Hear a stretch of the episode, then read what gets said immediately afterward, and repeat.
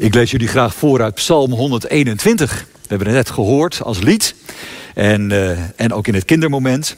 En het klinkt als volgt. Een pelgrimslied. Een pelgrimslied. Ik sla mijn ogen op naar de bergen. Van waar komt mijn hulp? Mijn hulp komt van de Heer die hemel en aarde gemaakt heeft. Hij zal je voet niet laten wankelen.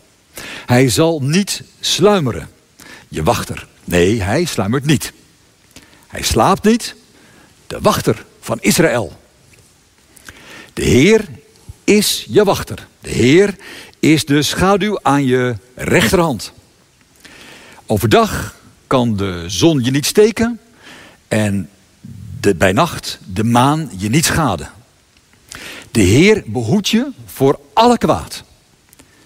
Hij waakt over je leven. De Heer houdt de wacht over je gaan en je komen van nu tot in eeuwigheid. Broers, zussen, we hebben een uh, jaarthema. Open for real. Onderweg met de psalmen. We hebben ook een jaar achter de rug. Ik heb daar een stukje van mee mogen lopen met jullie. En ik denk dat jullie dat ook wel zien. Dat we best wel een hoop bergen hebben gehad het afgelopen jaar. Ik denk aan de berg van de corona.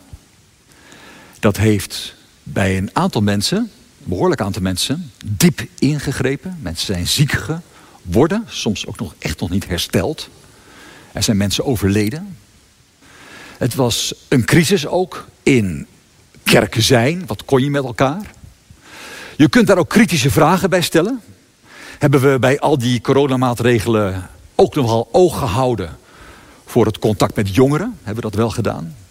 Hebben we ook diaconaal, zullen we zeggen, dus als, als kerk ook in de buurt, in deze regio, ook voldoende gekeken naar het ondersteunen van mensen die eenzaam zijn geworden of die, die in crisis raakten, juist in die coronatijd?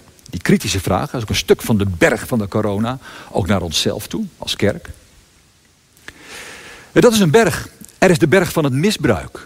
Nou, afgelopen week hebben we daar aandacht aan besteed. En duidelijk is dat daar heel verschillende posities in zijn. Dat roept reacties, vragen, ook wel verwarring op in zekere zin. En de berg stenen die hier ligt is ook een symbool van die berg. Misbruik, ook corona. Maar ook het afgelopen jaar kwamen er vragen naar voren van uit ons midden. Dat mensen zeiden van ja, er is ook nog een berg. En dat is de berg van het contact met elkaar. Kruispunt is gegroeid. Maar in die groei zit ook iets van, eh, ja, ken je elkaar nog? Ik kwam het een aantal keren tegen. Dat mensen zeiden van waar is het onderling verband? Je, je komt soms, zit je bij elkaar, maar, maar, maar met, met wie heb je nou eigenlijk echt contact? Hoe gaat dat? En daarbij de vraag, kun je, kun je kwetsbaar zijn? Kun je, behalve dat het goed gaat en dat je vol bent van geloof, ook met vragen, met worsteling, met aanvechting ook bij elkaar terecht. Kun je op zo'n manier ook contact met elkaar hebben als gemeente, als kruispunt. Ook een berg. Waar komt mijn hulp vandaan? Onderweg met de psalmen, de psalmen die wijzen de weg ook in het omgaan met bergen. Zoals deze psalm. Mijn hulp van, van de Heer die hemel en aarde gemaakt heeft. Die de realiteit gemaakt heeft. Dus open for real.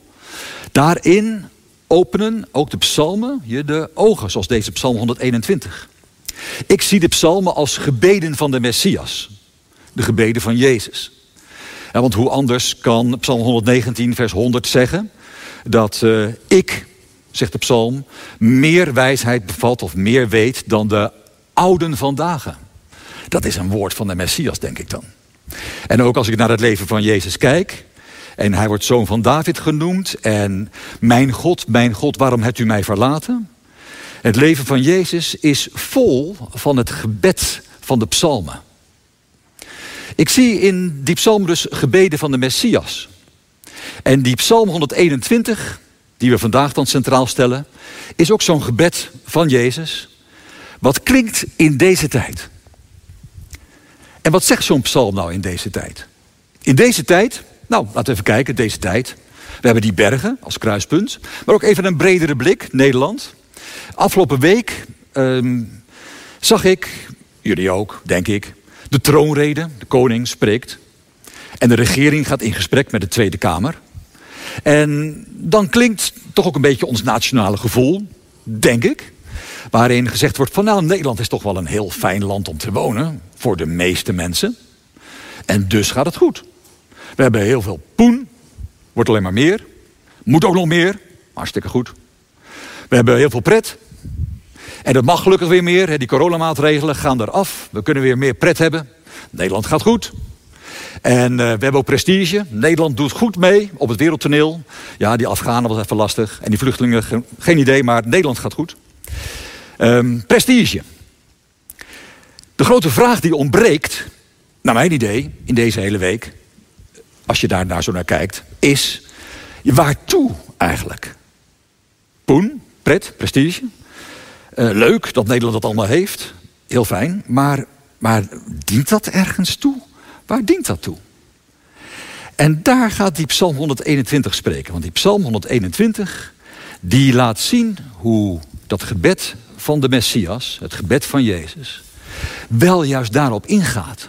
Er kan van alles in je leven zijn, maar waartoe eigenlijk? Waar ben je naar op weg?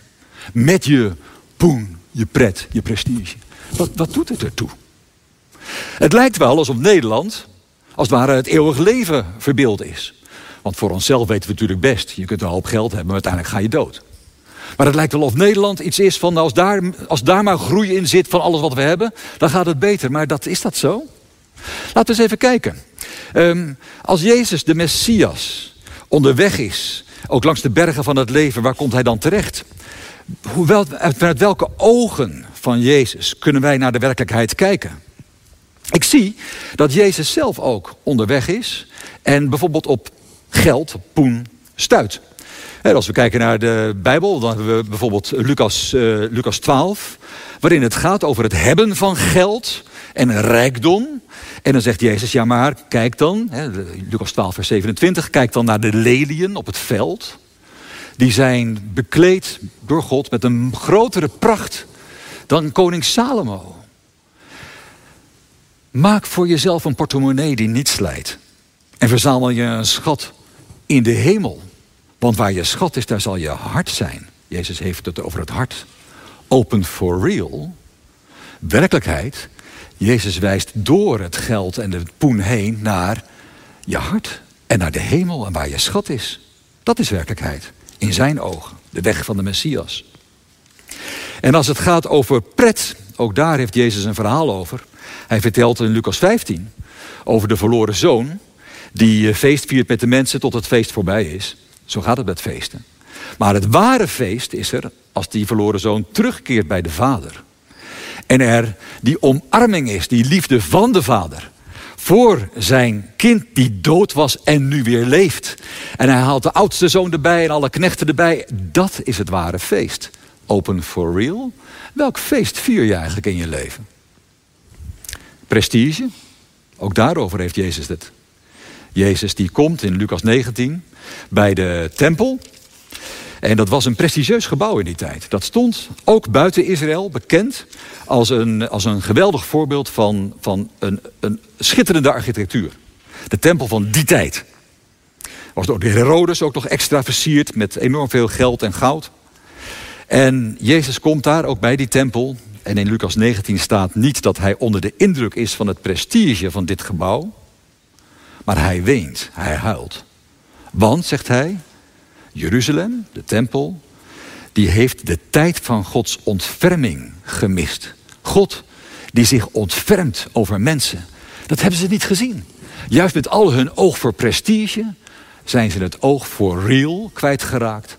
Namelijk dat God zich ontfermt over mensen in de Messias. En hij weent. En hij wijst erop dat de tempel een, uh, dat, dat, dat, dat zijn lichaam de tempel is. Dat hij de tempel is die wordt afgebroken en weer opgebouwd in drie dagen. En dat de tempel je hart is. Je handen, je voeten, je lijf. Dat je daartoe dient. En dat je dat zomaar kwijtraakt. dat je dat zou kunnen zijn. Dat dat het doel van je leven is om dat te zijn. Juist door je oog voor poen, pret, prestige. En dan is er nog wat. Want Jezus heeft het ook over leer en oordelen. En er worden steeds die fariseërs en Jezus tegen elkaar overgezet, tegen naast elkaar gezet in de evangeliën. En bijvoorbeeld in, in, uh, in Lucas, uh, in Lucas uh, moet ik even kijken hoor. Nou, die ben ik even kwijt. Ja, Lucas 15, ja. Daar kom ik bijvoorbeeld, kom je een voorbeeld, vers 2. Daar zijn die fariseeën en die schriftlieden bij elkaar. En die zeggen dan over Jezus. Ja, die, hij ontvangt zondaars en eet met hen. Dus fariseërs die zien de massa als zondaren. Ja, dan ben je eigenlijk klaar. Die zijn gelabeld, plakketje erop, klaar.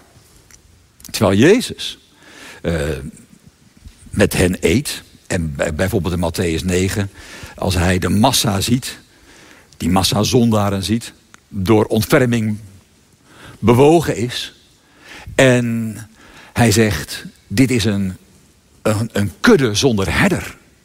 En hij wil de herder zijn. Hij wil alles geven voor deze mensen. Hij heeft geen oordeel. Ja, zijn oordeel is dat hij komt om zich te geven, zijn leven te geven voor deze mensen. Tot aan het kruis. Om door de dood heen bij zijn kudde, bij zijn mensen te zijn. En de goede herder te zijn die hen door de dood, maar ook door het kwaad heen leidt. En een toekomst geeft die werkelijkheid is. Niet de werkelijkheid van het oordeel, oh dat zijn zondaren. Maar door de zonde heen naar een toekomst die God wijst. Naar Gods zegen toe open for real. En als je die pelgrimstocht met Jezus meemaakt, als je met Hem daarin meegaat, dan worden je ogen geopend. De ogen van de Messias. Die kijkt naar de realiteit, maar aanwijst steeds daar waar wij denken, oh we weten hoe het zit. Maar hij aanwijst, God schept hemel en aarde. En hij is onze hulp, zoals op Psalm 121 dat zegt.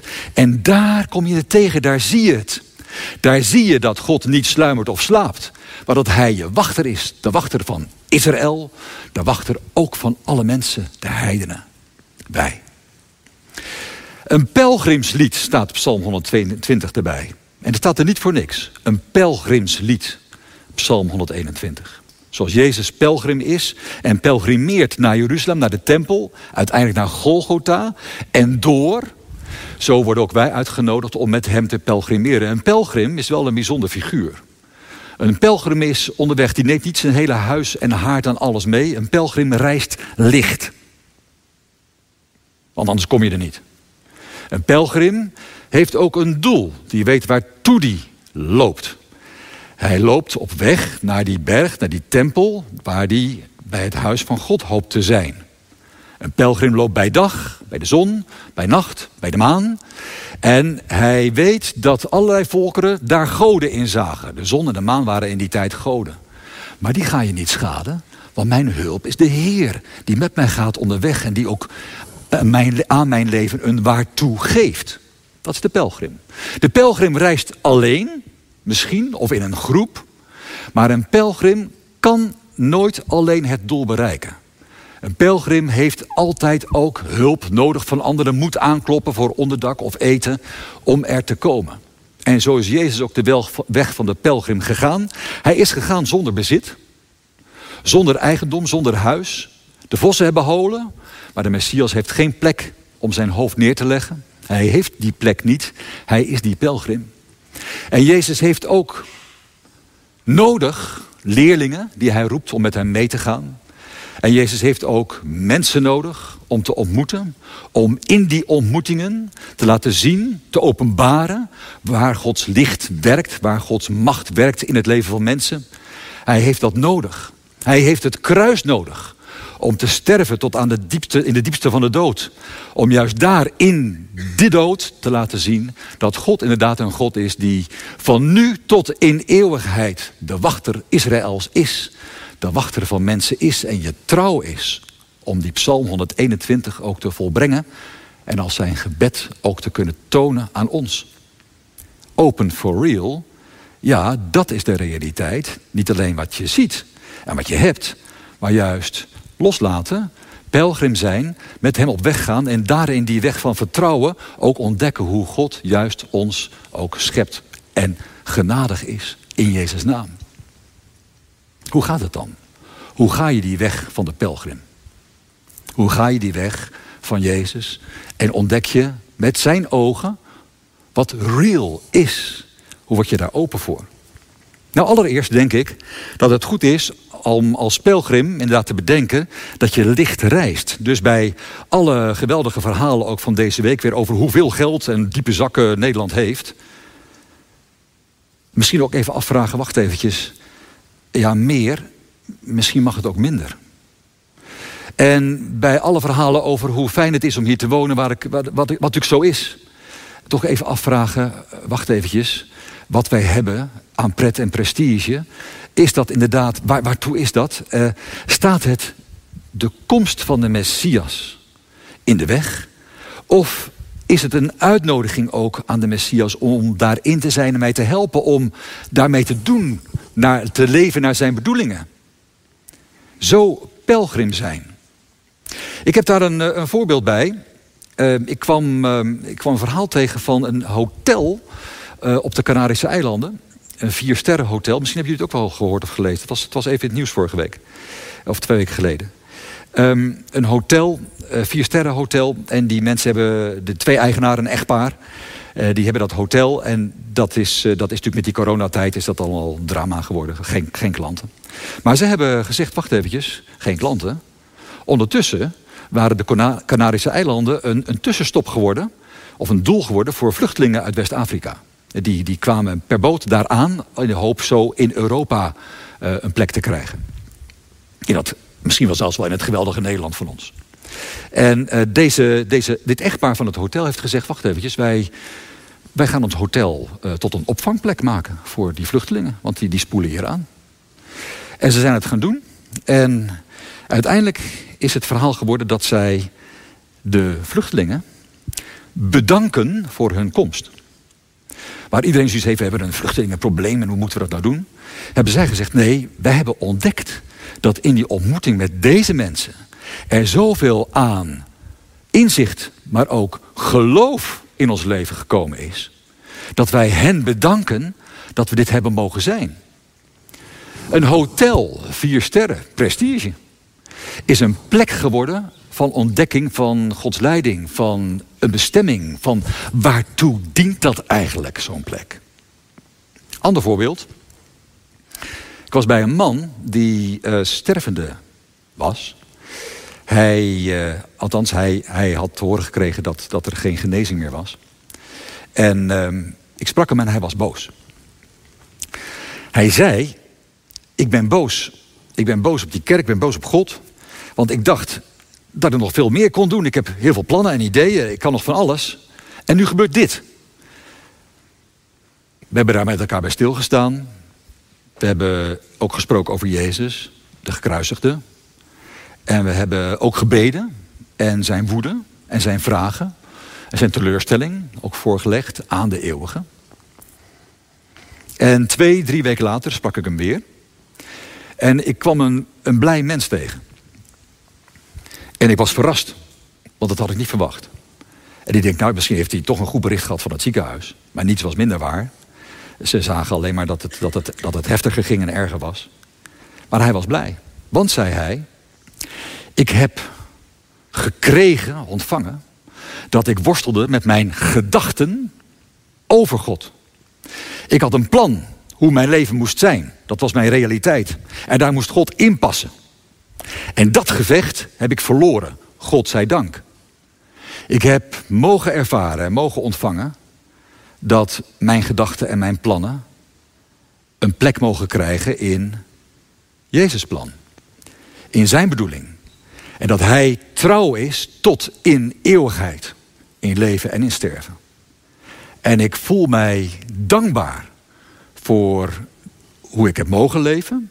Maar ook dankbaar dat ik nu gedragen word door hem. En um, ja, hij, hij praat daar zo over, hij vertelde dat en hij was in staat inderdaad om met de mensen om hem heen op een dankbare manier te leven, maar ook om zijn vertrouwen te leggen in de handen van God. En zo komen we bij Psalm 121 terug, dat gebed van die Messias. Die psalm waarin staat, de Heer is je wachter, de Heer is de schaduw aan je rechterhand. Overdag kan de zon je niet steken, bij nacht de maan je niet schaden. Dat is Open for real.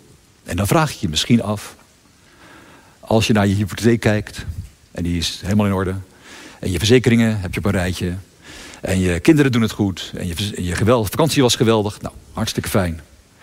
Maar waartoe? Uh, staat het je in de weg om op God te vertrouwen? Of zit er een opening in voor de realiteit dat God uiteindelijk hemel en aarde en ook mijn leven schept en dat Hij trouw is tot in eeuwigheid? Hetzelfde geldt voor een kerk die open is for real. Kunnen we de realiteit onder ogen kijken, de, onder ogen zien, de realiteit van het misbruik, de realiteit van de corona, de realiteit van die vraag van velen van ons die zeggen van, uh, kunnen we kwetsbaar zijn? En kan dat helpen ook door het te doen in gebed, door zo als pelgrims onderweg te zijn met Jezus? De meest eenvoudige manier om hier werk van te maken is misschien wel door af en toe, ook misschien wel met een knipoog, met humor, aan elkaar te vragen: Pelgrim, waartoe? Misschien bij het koffiedrinken naar de dienst, aan iemand die je nog niet kent. Misschien in je at home. Misschien in een vergadering van 8 tot 11. Pelgrim, waartoe? We zijn pelgrims onderweg met Psalm 121, met de Messias, door Israël heen naar die tempel, naar die eeuwigheid van God. En waartoe is dat dan? Dienen wij de komst van Jezus in onze ontmoetingen, in ons kerk zijn, in ons dagelijks leven? Als we op ons werk zijn, zijn we dan bezig met ons prestige van ons bedrijf? Of zijn we bezig met de betekenis? Waartoe is er een bedrijf? Als we op school zijn, is het dan inderdaad het doel dat papiertje moet gehaald worden of we moeten werken aan een goede resultaten?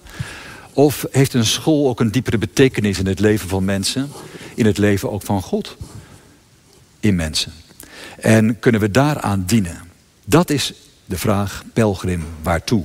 En die vraag brengt ons steeds weer bij die Psalm 121. De Heer behoedt je voor alle kwaad. Hij waakt over je leven. De Heer houdt de wacht over je gaan en je komen. Van nu tot in eeuwigheid. Daartoe leven wij. En daartoe zijn wij open, want dit is real. Amen. Laten we bidden.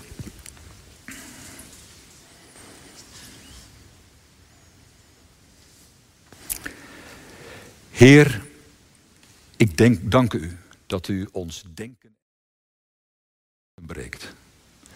Dat wij wel denken dat we vat hebben op de realiteit en weten wat echt is, omdat we het kunnen vaststellen door onderzoek of door wat we al weten. Maar dat u altijd weer komt om in te breken met uw liefde en ontferming. Dat wij met al ons denken en doen uiteindelijk op uw kruis stuiten en dat alles dan breekt op uw realiteit. Heer, open uw realiteit in ons midden. Wees real in ons als gemeente. Help ons om die realiteit ook te verkondigen en te zoeken. Als we op pad gaan als kerk, ook in deze regio, mensen ontmoeten, kerk willen zijn ook een komend jaar. Wees ons zo nabij, omdat u de eeuwige bent, die vol ontferming is, die ons aanziet en leidt op onze pelgrimstocht door het leven. Open onze ogen voor waar Jezus Messias ons heen wil leiden. En open onze ogen voor uw realiteit, die dieper gaat dan wat we zien en kennen, die ons nabij is van nu tot in eeuwigheid. Amen.